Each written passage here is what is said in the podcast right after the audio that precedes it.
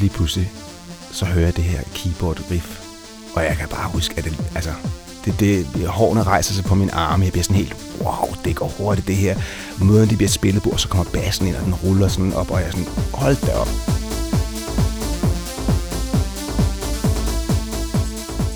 Mit navn er Jonas Skyldstorff. Jeg er 41 år, arbejder som øh, radiovært, musiker, sangskriver og forfatter. Og det nummer, jeg har valgt, som vi skal tale om i dag, det er Culture Beats med Mr. Wayne.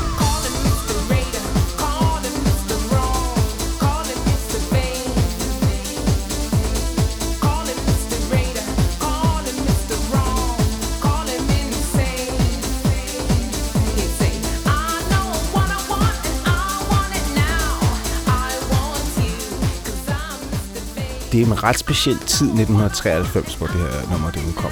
Jeg er lige blevet 14 år, og øh, har indtil videre kun købt mine plader i Hit House, som var en del af TP Musikmarkedet, som lå lige på hjørnet op ved Zoologisk Have i Valby. Men fordi jeg lige var blevet gammel nok til at tage ind til byen selv, så øh, har jeg fundet den her pladeforretning inde i byen, som hedder Street Dance Records.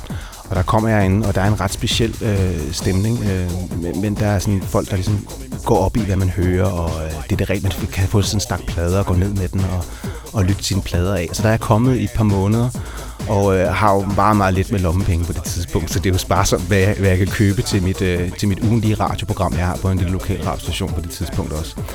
Men en dag kommer jeg ned en varm sommerdag og, øh, og får sådan en bunke plader, og så er der sådan en lilla plade imellem. Og jeg, jeg, jeg, jeg har bare aldrig hørt noget lignende før. Det, det var sådan øh, starten af Eurodance, der var kommet forskellige ting, men noget af det var alt, alt for hårdt øh, techno i forhold til, hvad jeg gad at lytte til. Og, og så var der bare det her, hvor han rappede, og hun sang, og jeg, jeg var fuldstændig blown away af, af det her nummer, da jeg hørte det første gang.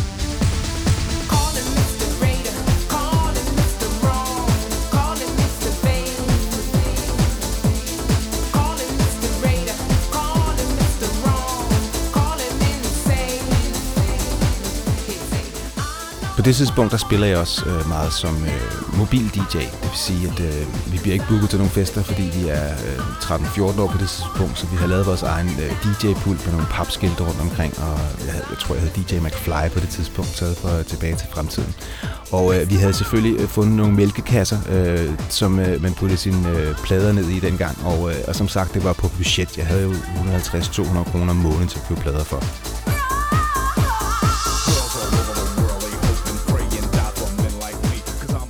Og det var jo enormt vigtigt, at man købte det, som ligesom var oppe i tiden og var et kæmpe hit, fordi ellers så ville du ikke få folk på dansegulvet, og dengang var der ikke Spotify eller noget. Du kunne ikke gøre noget, hvis du ikke havde pladen, så, så var der ikke noget at gøre den aften, og så blev man ikke booket igen. Og med Mr. Wayne og Culture der havde jeg taget et sats, fordi jeg fandt den tidligt dernede i, i Street Dance Records, som var en nichebutik på det tidspunkt. Så den lå jo ikke øh, ude på alle øh, tankstationer eller, øh, eller, eller blev spillet i radioen.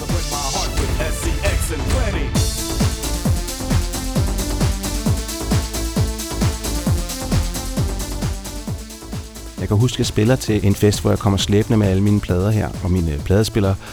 Og jeg spiller alene den aften, og det er voksne mennesker, jeg spiller for. Jeg står der 14 år, og ja, altså, har jo enorm selvtillid, og samtidig også øh, ingen anelse om, hvad fanden det er, jeg laver. Altså det der ved at læse dansegulv, det er en, det er en psykologi, som, øh, som der ikke er blevet skrevet de lange bøger om, som der i virkeligheden burde.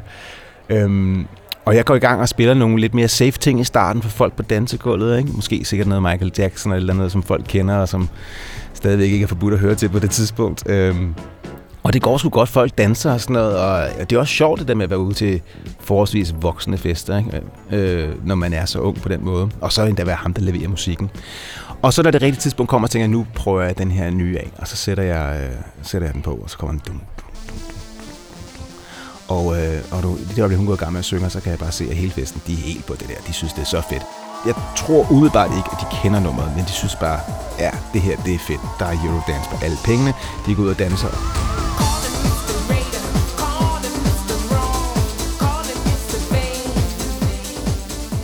Og så går der måske 30 sekunder efter sangen er slut, så kommer den største fyr op til festen. Kæmpe, kæmpe brød.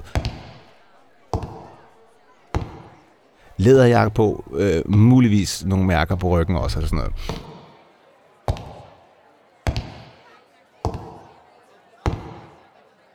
Og så siger han så, hvad var det, du lige spillede? Og så tænker jeg, okay, nu får jeg en røvfuld for at spille Eurodance til den her fest. Øh, og så siger han, det var Quality Beat Mr. Wayne. Og så siger han så, spil den igen. Øh, og sådan foregår DJ'en jo ikke rigtigt. Det er jo ikke en jukebox på den måde. Men øh, det er en meget, meget stor rocker, det her, og jeg er 14-årig dreng med mit eget mobildiskotek. Og jeg er også glad for Cultivate Mr. Wayne. Så jeg står lige og overvejer det, og altså, inden jeg når ikke at spille den, så er han på vej op med mig igen, og så tænker jeg, okay, så cue den på hurtigt, og så kommer den i gang igen, og festen går bare fuldstændig op.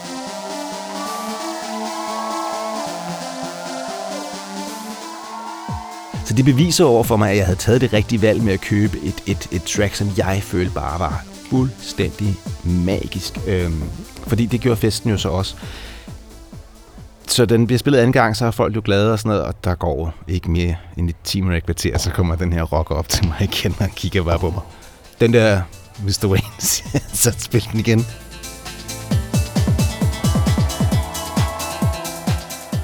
Og jeg måtte spille den en 5-6 gange den aften. Øhm, og, og så gik jeg hjem med sådan en idé om at sige, okay, det der med at spille rigtig fed musik, og hvordan gør man det? Hvordan siger man nej til folk også? Og hvad, hvad er grænsen? Øh, så jeg havde en, en, en magisk øh, plade, synes jeg, i min taske der, som jeg vidste, at øh, altid, altså det ville få folk ud og gøre dem glade på dansegulvet og sådan noget. Men, men at den så også kunne skabe problemer for mig på den måde, det var, øh, det var faktisk ret vildt.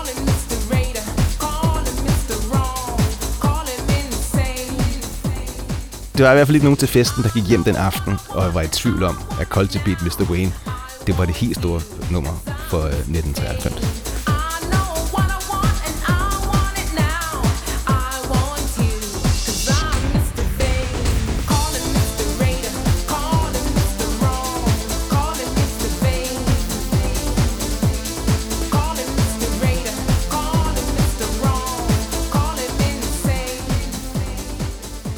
så alt det der, det fulgte med i, når jeg, når jeg hører den sang i dag. Øh, og det, den har stadigvæk en, en helt fantastisk rytme. Jeg synes, det der er smukt ved sådan nogle numre her, som i virkeligheden burde være øh, glemt for lang tid siden, at når, man, når de rammer den, og man prøver at lave noget helt nyt på den måde, så, så, så, så er det virkelig fantastisk, og sådan en, en, en evergreen, som kan høres her øh, så mange år senere.